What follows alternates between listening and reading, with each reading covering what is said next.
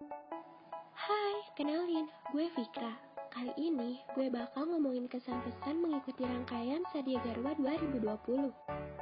Kesan gue mengikuti Sadia Garwa ini awalnya jujur, gue takut banget karena banyak orang bilang kalau aspek jurusan ini lebih serem daripada aspek universitas. Sebenarnya enggak kok. Selama gue mengikuti rangkaian, gue ngerasa enjoy dan ingin terus mengikuti rangkaian Sadia Garwa ini. Materi yang disampaikan juga sangat bermanfaat dan menarik banget. Dengan mengikuti rangkaian Sadia Garwa ini, bikin gue makin mengenal teman-teman satu angkatan, dan bikin gue makin dekat sama teman-teman. Pesan untuk Sadia Garwa 2020, makasih banyak untuk kakak-kakak panitia yang sudah membimbing kita sampai saat ini. Tetap semangat untuk kakak-kakak panitia dan untuk teman-teman semuanya. Tetap jaga kesehatan ya,